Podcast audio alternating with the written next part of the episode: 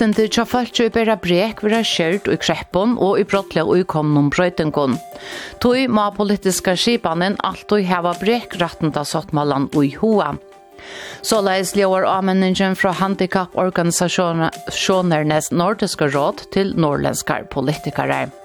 Men vera rattendene tja ötlun ikkje skjert og krepp og tøyon, Tora vi kjelto, forskvinna og i mekt, kjemur og i utvarpstovna og våpna kvulten mellom Israel og Hamas er langt og i 24 timer vi tar seg ved tøyndamann som er stator i Haifa og Israel.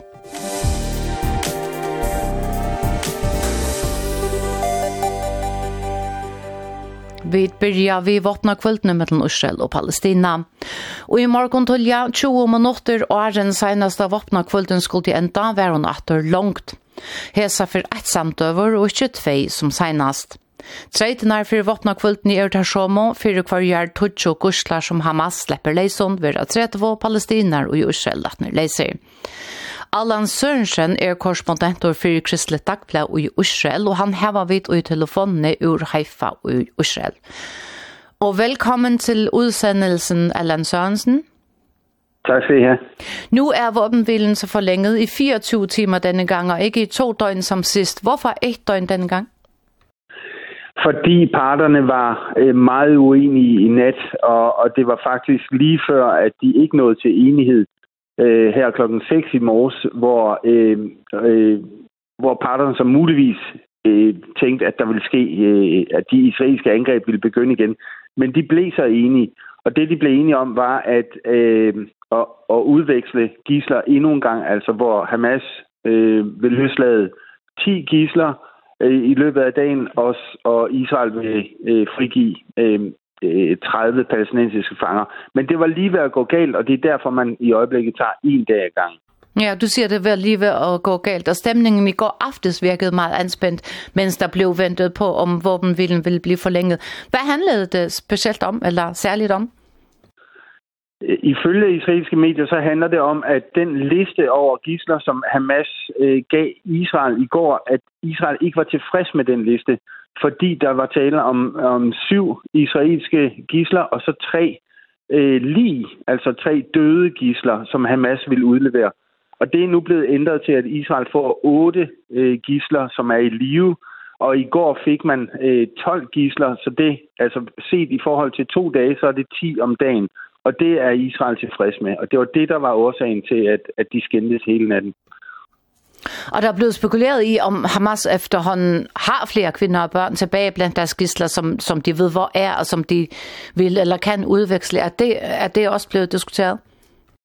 Ja, det bliver diskuteret, men i Israel mener man, at Hamas godt har eller godt ved, hvor gislerne er, og de også har en, en hel del gisler tilbage, som stadigvæk er i live, det øh, bygger blandt andet på øh, de udsagn, som altså de gisler, der allerede er blevet udleveret. Det, de fortæller, er, at de sidder i grupper sammen med andre gisler, som er i live, men som ikke er blevet løsladt endnu. Og det er det, der får Israel til at mene, at, at Hamas stadigvæk godt ved, hvor øh, de fleste gisler er. Så det er simpelthen et, et, et ting i, i forhandlingerne, som Hamas bruger? Ja, det tror jeg, det er. Øh, og det, Hamas bruger det først og fremmest til at trække tiden en lille smule ud, øh, fordi det ser ud til, at Hamas er interesseret i at fortsætte våbenhvilen, men man gør det ikke uden at, at føre den her psykologiske krigsførelse over for Israel. Der har været, kan jeg forstå, et angreb i Jerusalem i morges, hvor tre civile blev slået ihjel. Er det, øh, vil det påvirke den i forvejen spændte situation?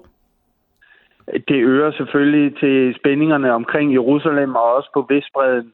Nu er det fredag i morgen, og der skal være fredagsbøn på, på, nede i Klippemoskeen og i Al-Aqsa-moskeen. Og selvfølgelig er det, er det noget, der påvirker den, den generelle situation. Vi har ikke set endnu, om Hamas har taget ansvar eller skylden for det her angreb, eller det måske er en anden øh, gruppe. Men det er helt klart noget, der, der er med til at øge øh, spændingen øh, omkring Jerusalem og på Vestbreden. Nu nævner du øh, Vestbreden, og, og mens der har været stille i Gazastriben forholdsvis, så er dødstallene steget på den besatte Vestbred, og, og flere tusinde mennesker har mistet livet der siden 7. oktober. Er situationen ude af kontrol der? Den er ikke ude af kontrol endnu, og det er ikke ren kaos, øh, som Hamas måske havde forventet. Altså Hamas ønskede et scenarie, hvor øh, krigen i Gaza også ville føre til øh, øh, altså uro på Vestbreden i form af, at, at, at, at Vestbredens palæstinenser også ville føre en eller anden form for opstand mod den israelske besættelse. Men det, så, så langt er det ikke nået endnu. Men det skal siges, at, at øh, israelerne sætter øh, virkelig hårdt mod hårdt øh, på Vestbreden, og nærmest hver nat er inde altså sender soldater ind i Israel eller i palæstinensiske byer som Jenin på den nordlige side af Vestbreden og også i Nablus, hvor øh, de israelske soldater er inden for at arrestere øh, palæstinenser, og her kommer det så tit til skudkampe, hvor øh, palæstinenser bliver dræbt i, i nærmest hver nat øh, siden den her konflikt er startet i Gaza. Så det ligger øh, på øh, altså jeg vil ikke sige det koger over, men det ligger på et niveau hvor det meget let kan komme ud af kontrol. Og hvad den her eskalerende vold på Vestbreden, hvad, hvad kan den så resultere i? At den kan jo resultere i, at, at noget af det samme, altså det bliver ikke det, helt det samme, som vi ser i Gaza, men hvis der kommer en massiv væbnet palæstinensisk opstand på øh, Vestbreden, så vil det selvfølgelig tage en stor del af Israels opmærksomhed og bringe øh, hele Vestbreden i, i fare, og også øh, især Jerusalem. Og Jerusalem har indtil nu været er generelt set skånet for meget uro i den her øh, omgang. Men hvis, øh, hvis der kommer et udbrud af, af vold på Vestbreden, så betyder det også, at Jerusalem lige pludselig bliver draget ind i konflikten, og så kommer det til at handle om de hellige steder i Jerusalem, som Al-Aqsa-moskeen og Klippe-moskeen, og derfra øh, kan der selvfølgelig blive sat en masse følelser i kog, og derfra kan det også eskalere yderligere fordi det netop kommer til at handle om de, de store muslimske helligdomme i Jerusalem. Så den uro, som vi ikke har set, den vil så virkelig komme, hvis, hvis det kommer dertil? Ja, det, det, det tror jeg. Altså, det er et skrækscenarie, som israelerne selvfølgelig opererer med, og de ser, at det er muligt. Og det er derfor, der er så meget opmærksomhed, specielt omkring i morgen, hvor, øh, altså, hvor der skal være fredagsbøn i Jerusalem. Og man håber, selvfølgelig fra Israels side, at det ikke vil ske, og at der stadigvæk vil være en, en form for kontrol på Vestbreden og i Jerusalem, men man ved også samtidig, at det let kan komme ud af kontrol. Nu er våbenhvilen så blevet forlænget for anden gang. Kan, kan det her tænkes at være en begyndelse på en reel fredsproces? Det, det er ikke sådan, så, sådan læser jeg det ikke i øjeblikket. Øhm, jeg ved, at der er amerikansk pres. Øh, Anthony Blinken ankom her tidligere øh, og er i regionen for at tale både med palæstinenserne og med israelerne. Men jeg tror først og fremmest, det handler om, at, han, at USA gerne vil have øh, svar på spørgsmålet om, hvad skal der ske i Gaza fremover? Altså, skal krigen stoppes nu? Skal israelerne øh, forlænge våbenhvilen og stoppe sin landoffensiv i Gaza? Eller øh, vil israelerne øhm, blive ved, øh, også her, øh, når, når der ikke længere vil være en våbenhvile, vil Israel så fortsætte med sin landoffensiv. Det tror jeg, det, det er det spørgsmål, der optager øh, amerikanerne mest. Altså Gaza fremover, hvad skal der ske? Øhm, og israelerne er meget klare i mailet omkring det her. De siger, at, at de to mål, som Israel har, har indtil videre, det er stadigvæk for det første at knuse Hamas øh, fuldstændig, Øh, og det andet mål er at få de, de mange, de omkring 145 gisler, der stadigvæk er inde i Gaza, og få dem bragt tilbage til Israel.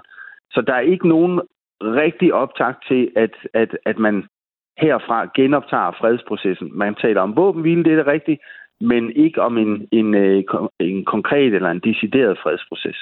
Ja, og som du siger, Netanyahu har sagt, at han, skal, at man vil knuse Hamas. Han har sagt, at Israel ikke helmer, før Hamas er udryddet. Men hvad skal så de her våbenhviler til? Er det ikke bare en unødvendig forlængelse af pinden? Ikke for... Altså, det betyder, de, de to vigtigste ting i våbenhvilen er, at Hamas og selvfølgelig også den civile befolkning i Gaza, de får fred, og de får øh, øh, tid til at, at samle nødhjælp ind. De får øh, rationer udbragt, de får medicin og så videre. Øh, for Israels vedkommende, der betyder den her våbenhvile, at Israel får øh, gisler bragt ud af Gaza. Og, og man kan sige, at Israel er jo allerede oppe på omkring 70. Altså hvis den øh, gisseludveksling i dag den lykkes, så tror jeg, at Israel har fået omkring 70 øh, gisler eller af sine gisler ud af Gaza. Og det er jo en kæmpe, øh, ja, jeg vil ikke kalde det, det er svært at kalde det en sejr, men det er en kæmpe vinding for, for Israel, netop fordi målet er at få øh, dem alle sammen ud af Gaza. Så 70, selvom det ikke er øh, set i det større billede, det er langt fra alle gislerne, men det er stadigvæk en, en, en stor vinding for Israel. Øh, så hver part vinder en lille smule ved den her våbenhvile, og det, jeg tror også, det er derfor, den har den er lykkes indtil videre, og det er også derfor, den bliver forlænget fra dag til dag. Du nævnte, du nævnte amerikanske udenrigsminister Anthony Blinken, som netop nu er i Israel, og du nævnte det her amerikanske pres. Hvad har Blinken ellers på sit program der? Jeg tror han skal altså han skal tale om to ting. Han skal også mødes med øh, den palæstinensiske præsident og øh, Mahmoud Abbas, øh, og han skal selvfølgelig mødes med den israelske ledelse så forventes det også, at øh, amerikanerne de går øh, de har allerede været meget aktive i, i forhandlingerne omkring gislerne, også fordi der sidder øh, israelere i Gaza med amerikansk statsborgerskab, altså til fange i Gaza. Derfor har amerikanerne øh, involveret sig dybt i, i hele gisselprocessen. Men jeg tror også, som jeg sagde tidligere, at det helt store spørgsmål er at afkræve et, øh, et svar fra Israel om, hvad har Israel tænkt sig, der skal ske med Gaza, hvis kampene fortsætter inde i Gaza, øh, og, og, og hvis man øh, fra Israels side, hvis det lykkes at vælte Hamas, hvad er så Israels tanker om øh, det fremtidige Gaza? Skal det være øh, under israelsk kontrol? Skal det øh, styres af det palæstinensiske selvstyre? Eller noget helt tredje? Det ønsker amerikanerne allerede på nuværende tidspunkt at få et svar på. Og, og, og er der nogen, der tør gætte på det svar? Nej, det er meget, meget svært. Altså, jeg ved fra europæiske ambassadører, som jeg selv taler med, at der er en masse forslag på bordet øh, i øjeblikket, øh, uden for citat selvfølgelig, men øh, alle sammen er næsten forslag, der ikke har nogen, øh, altså, der, der ikke har nogen, øh, noget, nogen virkelig støtte bag sig. De arabiske lande er, er, er uvillige til at gå ind og tage ansvar Israel er lidt uvillig til at tage ansvar også. Øhm, og det palæstinensiske selvstyre i Ramallah øh, på Vestbreden er heller ikke helt klar på at tage kontrollen over Gaza, fordi det palæstinensiske selvstyre er svagt, står svagt over for Hamas på Vestbreden, og, og, og jo tidligere har styret Gaza, og det gik øh, galt, øh, og derfor kom Hamas til magten i Gaza. Så de parter, der egentlig snakkes om her, de er allerede eller de er alle sammen en lille smule uvillige til at tage ansvaret. Og det er jo det, der gør situationen så problematisk, som den er. Hvordan, Allan Sørensen, hvordan vil du, nu er så våbenvilden blevet forlænget til morgen tidlig, hvordan vil du belyse situationen eller stemningen i Israel i dag? Det er som om, at stemningen i Israel bevæger sig i en retning, hvor man fornemmer, at den israelske landoffensiv vil gå i gang inden for overskuelig fremtid. Om det bliver i morgen tidlig, det ved man ikke. Eller om det bliver om to eller tre dage, det ved man heller ikke. Men fornemmelsen er, at Israel vil blive nødt til, og det, altså det bygger jeg på de samtaler, jeg har med helt almindelige israelske borgere, men også med analytikere.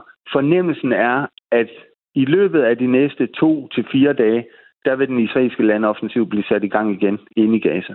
Men det vil sige, at den måske, eller sandsynligvis bliver forlænget igen i morgen tidlig?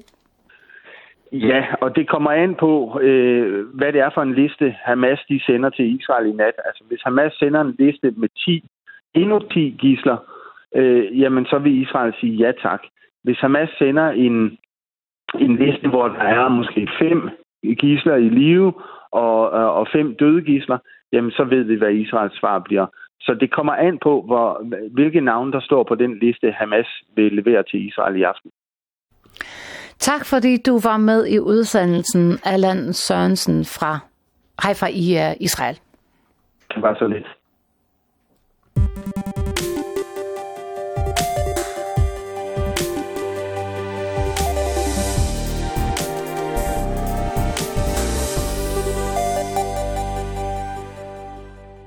Fyrir, fyrir flere attali var koronatøyen den første hendingen som er i allheim større avlæringa vi ekvislige inndrivun og utgjerande stegen.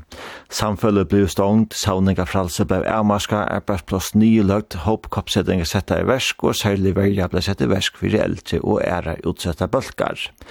Men fyrir summe rakte hetta tøyaskaje, vi sitter rattendon herrare enn tja øron. Til ødlum Det er ødelen for opphahalter fra handikapsorganisasjonenes nordiske råd, HNR.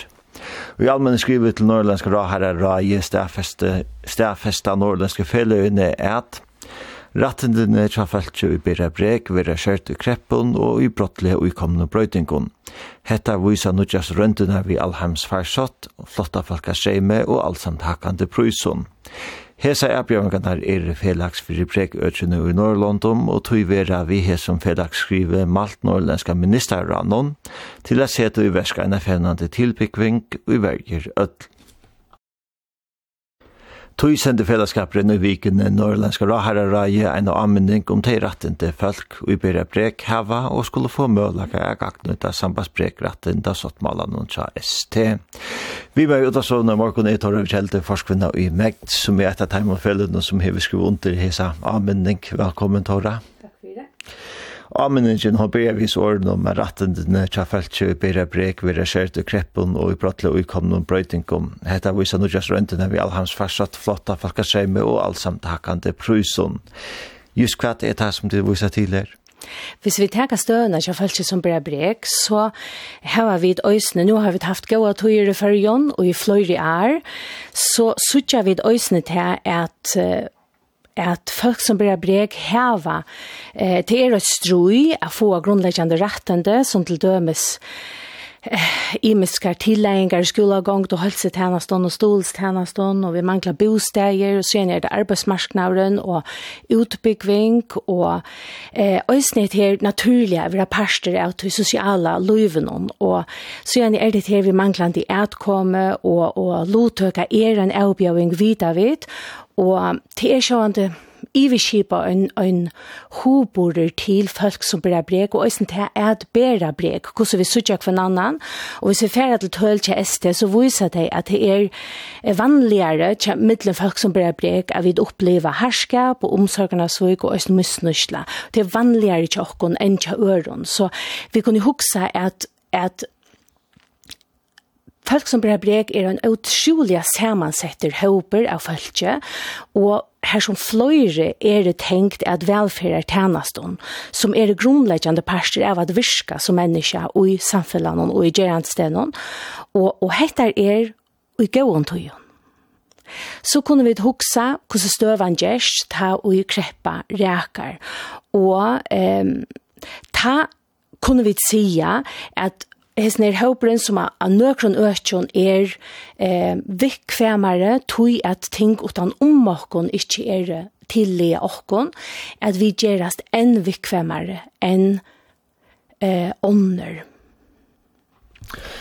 Det som du sier, hette er, eller hette er skipaner, tar man det så tenkt at velferdsskipaner, så er man kanskje mer i vibretjen, men hvis vi flytter det i en først kan sammenhenge, hvordan ser man det at det er i følgen? Eh, Vi samanlukt nokkon vanliga vi til London som vi samsarver mest vi, og hessen, som føren er det så til norrländske London, og eh, vi heva som så onka årsøk til at halda er at fyrjar er i ørvøse enn hine nor norrländske London, og eh, Og her heva vi som så i fyrjon ikkje eh, vi hava fahaktøl og vi hava øyla lydtid av gransking som viser, men gransking i grannalanden viser grått at folk som blir brek, eh, våre fyrir økton vanda fyrir smitte, og øysne var det hakre deituttløyge, og øysne vore folk som blir breg verre fyrir sosialt og futjarlige samanboren vi æra borgare. Og jeg halte til det som er avhavers kanskje ut i førska høpen er at hoksa, eh, er det ørvise til åkken, eh, det kunne det være ved et lite land som i flere år har haft fortjellige framgångt, hvordan kunne vi kanskje være bedre motstøve for, og, og kanskje hetta vise grønnen øysene som vi sendte ut i jar, er at vi har haft en ettermedding som løkmannskrivstående stod fire til dømes av koronafarsøttene, og det er øyelig godt at ettermedingar vera gjort der, til vi ikke så vanlige i førjen, men i hesson førjen var det øyelig godt at en ettermeding kom, og øysene at vi spyrir oss selv hverje tiltak var det gau, og hvert åtte vi det gjørst ørvis. Tannpastren er øyla gauer. Men det som vi fulltest av, og høyde i øyne grøyn ut i janvarmanna, det er at okkara bølger Til dømes limafellene tjokken som er 24 i tale, som har nekva limer, er ikkje vi og i øyne slukar i ettermedding,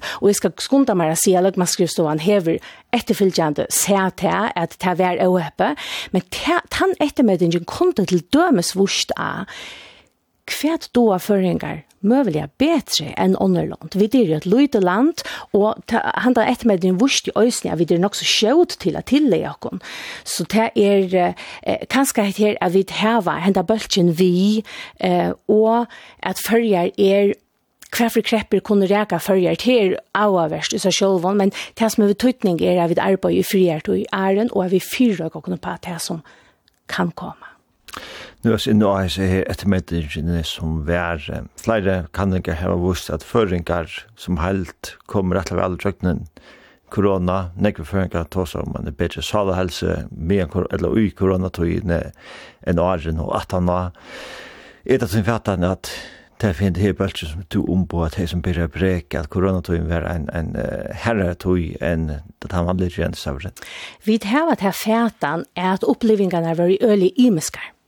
Og jeg tror at folk som blir brek slett ikke er en homogener masse av følge, så var det, vi opplevde faktisk at som vi hilde at det var en døylig stekker, av gerandstenen som annars er nok så resetter, og så gjerne høyde vi et øysne enda værhående av at somme struttest bæg vi øynshemme, og øysne til at foreldre ikke slapp i av vidtja sønne bøten, og imiske sånne avbjøyngar som vi øya i friartøy at hekka til okkon og gjerra en atlan fire, kvosse lofta vid heson, så svære frammekt verer ångand i øyntøyet, tøy at vi hava vi en bølka gjerra som er så utrolig imiske. Jeg som så er just ui fria tog er hessin brek rattinda sottmalen tja ST, ein som sottmalen som tid ui hessi skrivna og vi sa at man må minna til at, at han eisne er galtante ui kreppe støvun. Hva er det ui hessi sottmalen som ikke blei vist under til dem skoranatøyene? Vi kunne se i vi kipa, så her har vi siden 2008 haft Esti Sottmann om retten til ønsteklingen, og blir breg, og i føreska samfunnet, og politiska kipanen hever, for så vi ikke vel under vi noen. Men her er det pura i vi iverskipa nok så store mangler. Det dømes er ikke etterlitt hvordan vi og i verksedan og hvordan vi bruker den, helst ikke lovarsmøye, eller, eller i vi iverskipa er av stedet. Og her kunde vi hugsa okon at vi høtti eit fyrjar er vi og i mannarætten da arbeidet i samstarve vi ST, er vi i nekst større mån kan skal rukke ut til ter røyntene og ter atlandene som ST langt hever.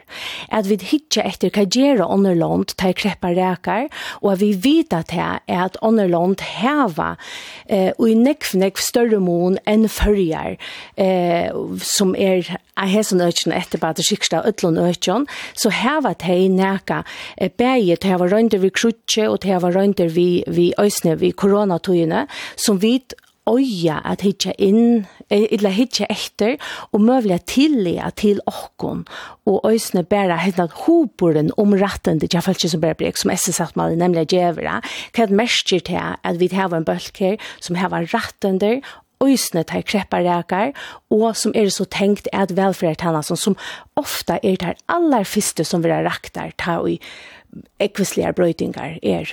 Du sier man, man har retten til kjolta i krepper reka, men i undantaksstøvun som til, til dem som koronatøyene, er det tar ikke sannrønt at retten til vera skjørt tøy at man nemlig hever en undantaksstøvun? Jo, det er nemlig at det reker ødel folk. Men som jeg begynner vi å si, så har vi vi folk å gjøre som framan undan er og det er slett ikke ødel som er det, men det er parster av folk som blir brek, som er i øyelige vikvom. Og hvis vi tar dialyse, og vi tar det som er i Dave, som skulle ha kunning for at vi tar hva gang fire seg rundt om deg, og vi tar folk ved mennesker som øye å få lattleslige kunning, eller tillega kunning til hva er det som hender. Hatta er et øyla størst apparat som skal være kloss til ta en undantaksstøva er, og her som vi heva folk som hva skal jeg si, fra man undan er vikvom, og tog kunne vi si at det som vi øyne har lise om, om vi kanninger som er gjør det, dømes og krukstøve, så færa folk, de som er mest mobil, de kunne færa. Men hva gjør det okkara som er, og her som London er det faktisk av stånen, her som det er øyelig større trobladja for folk til arbeids, og i omkronføren vært så løs at de som veri til arbeids er i ødel vekk. Hva gjør vi i sånne støvån, og i fyrjon, hvis vi tar det høyma til okkon, hva gjør vi øysene, vi kunne huksa vers, verskfall, hva gjør vi ta i nomsfrøyngar færre verskfall, vi har heldre onga eh, kreppe till tillbyggving här att vi har fram framan undan så stort så igen som tvätts nu Archan har vi tås om här skulle vi köra folk som som byggva asambulon och imsastan här som vi oja i friar till att göra så att landa så vi vita där kreparäkar så är det hettar till er kvarfall ett minimum skrav är att borgare inte skulle loja nej ta och kreparäkar och att vi gera där tilläggarna så att vi hjälpa som bäst. Ta vi tås med kreppe i førskene sammen her nu utnevnt etter verskfall, vi tås tås koronafastøttene. Hva annet kan hoksast av være en sluk støve at man burde haft en tilbyggving klare? Ja, jeg husker at jeg kort sol i morgen, så er veverlagsrastøvene, allhems veverlagsrastøvene akkurat nå. Og vi kunne huske til at, at vi har var nå i fløyre er hørst av veverleie fer av brøytast. Det er til dømes øyne, og vi vet det har vi da oppleva at oarlåp og, og åmanlåp og imisk som, som vi kanskje i så større mån at det blir en større kreppa ikke enn har vi oppleva. Men vi øye at huske seg sine snarene. Hva hender øyne stremslig, det som er i dialog lyse og de som har hava bruk fyrir streime til gerandes velferdstjenester og det er så øyla nekvar krepper som kunne reka, her som det rekar okkara allar fyrst. Og her hugsi jeg nemlig av verskfall, og nåttur, begge manna skapt, og nåttur skaptar vannlokker til det var flere for vi fremme under ta verskfall er for jeg visste at, at her tid er en selja støve, men er det nekka samskifte middeltikkum og myndelagene om hva kan gjøres og utslukke støve som hvis um, om man lopp er ångsans eller vattlå er en bygd eller verskfall er kvatt hvordan man så kan trygge rettet så at de som ber brek. Vi hava enn ikke, og jeg skal også skunda meg å si at eh, dette er slett ein førisk, serførisk avbjøring. Da vi tåsar vi hinne Norrlandene, og tror også tog etter felagskriv i kjemer, jeg vet ikke at norrlandske ministrar er minne støttene av Ester Sottmalan og til rettene som ligger i Sottmalan, og også er at folk som blir brek, vera vi nu tajma flere hoksamer aktivt om tilbygging. Er at vi hava borgaren vi, det er han som void best ut fra gerandstenen hva de har bruk for, og øsne de bølgrene som sammansetter som åkere. At vi er så brøy som gjør litt, og vi tar for til Limafelle til opplagt at vi gjør samstår vi de, og, og vi rædgjøving. Og, og annars at, at vi hukser alle tingene inn. Nu har du fyrir sendisene sagt att uh, förr är etterpå etterpå att det kommer till bräcket så ofta och att uh, det som vi nu tar oss om manglande manglande skipan och jom det er kostnad å se för för fyrbrykte men det er mest i et annat som vi måste vara till här i Norrland om det er at i Norrland om så just fortsatt avgörningar och en årekvante gång här i vi satt med rattendene som felt seg i i Perebrek och særlig vi vår velferd Hva skipper du til her? Eller hva skipper du til her? Ta i liva i en gåon samfunnet som, som vi gjør i førjene det, og vi får så vidt strøyest fire få vanlige velferdtjenester. Så er det et uttrykk fyrir kvann hobor vid hava til folk som blir breg. Det som er grundarlei under SS-åttmannen er at det er ikkje jeg som er i trobløgjen, er vi mine brekje, men det er møyna kring omstøver her som jeg skal virka. Og ta i vid i samfunnet hava seg ordla gaua bætar av brekøytjen, så har vi en ett ett ett en tøyn efter att få goa att komma. Så det är det som vi visar är att att vi öja är att tjitja og en gauan gerand sted tja fölkje som bera brek og friar tøy og òsne ikkje sida spurning vi hvordan tatt marsjen om vi kunne være fria luka efter sottmalan, men her var en hobor om jeg vet ikke at folk som blir brek er så virkjen og gjerandsten som gjørlet. At vi skapa utbyggvingar, vi skapa skola, en god folkaskola, vi tar godt dagstående øke, og at vi kunne nema kon vitan, og øsne at vi er så, så virkjen og frytøyene som gjørlet, her som vi berja hesar her gäranar nyer som kanske binda nöker av och nyer att vi hava en öppnan hobor till kvarje mörsk utanför och kunde vi berja nyer så har vi gerast eh, gerast vision och här har vi lika ho att ta träen upp at vi väskfallen då spurte Jani om väskfallen om det är några samskifte här och det är det nämligen helt riktigt att vi öknar och här har vi bäge friar tog och vi har strusch tog och vi har vi har alla möjliga släj av tog ikke inn til politiska myndløkene, og han hever vært nok så nær vi er just nægrar semjer om hvordan kipa eh, breger ikke ta i verskfadler, men enn er vi akkurat i samme støve som 2018. Da sier jeg, så gjør det så med øregrande gongtene her i Førjum som jeg ser i Nørland.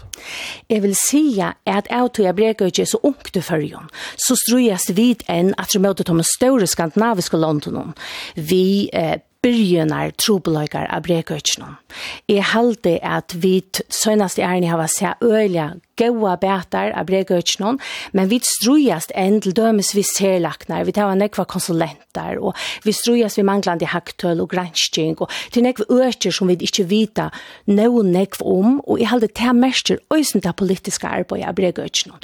Vi er for nekva her enn av vi sløtja eldar, vi, vi hava stutt i løsner, og vi hava til dømes onga bregpolitiska virkesatlan, vi hava ikke, det er annars av vi, vi etterlit noen, vi hava tås om talsfolk, eller brek om på, brek ut noen, og fløyre er, og det er av vi, det er vi ordentlig spent på, men det er etter ive iverskipa ja, den ive iverskipa ja atlanen fire, hvordan atla vi at førska brek ut skal suttje ut om 30 eller 40 er, til atlandene.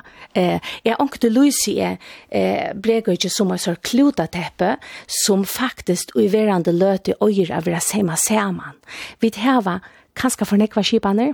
Vi hava sett atøge versk som kanskje ikke endelig er nøktande for, så, og her kanskje er et godt døme badnaverskatlandet som er sett i gongt for at eh, tryggja ratten til bøtten og ungen, og vøvnand kan hon være en firemynd. Men til er alle tøyne til er at vi gledes om nøyre ting som henta brega utsnån, og det henta alle tøyne nøyre ting, men det øyer agenka sjåtare, og vi øyer få etter klotateppi at, at sema saman og møvelige at gjøre det betre for folk som blir breg at liva i førska samfunnet og vera virkjen. En par at vi er så sett jeg seg til byggvinnskina av versk, og hvis vi enda her, hva det er for tilbygging som tid etterløse. Vi kunne huksa oss at vi gjør oss grøyt, tar kreppareker, hvordan trykker vi av folk som blir brek, og ta, hukse, hukse er sjølvand og folk som blir brek, men tilbygging øyre vera av ødlo nødjon, at vi trykker føringar.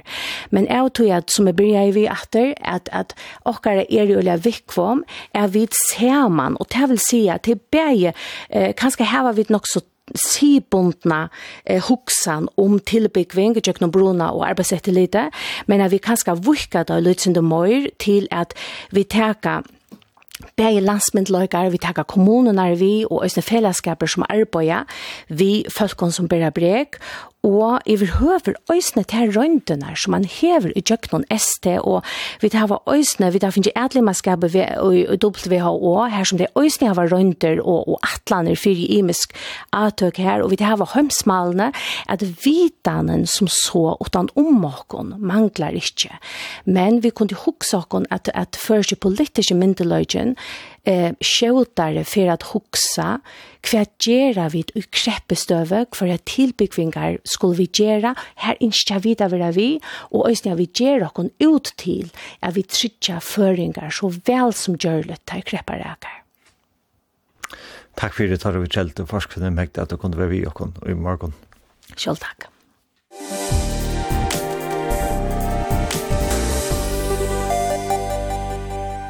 Hetta var det vi tatt avbretta noen og i det, og man løte vi sendt ikke tøk som pottvars på heima så i okkara. Bretten vi reiste endesendur etter to internet klokkan 6. Hever du vi messingar til sendingen av hosko til evne eller prei, taka vi fegin møtur. Send dere meg teltepost av brettin kurla Og Av bretta redaksjonen det er våre Hatlur Arena, Elin Paulsen Poulsen og Birgir Karine Eliasen som er eisne redaktører. Teknikere var Kari Allan Berg. Vi dver atur vi er nutjum bretta i morgen klokkan 12.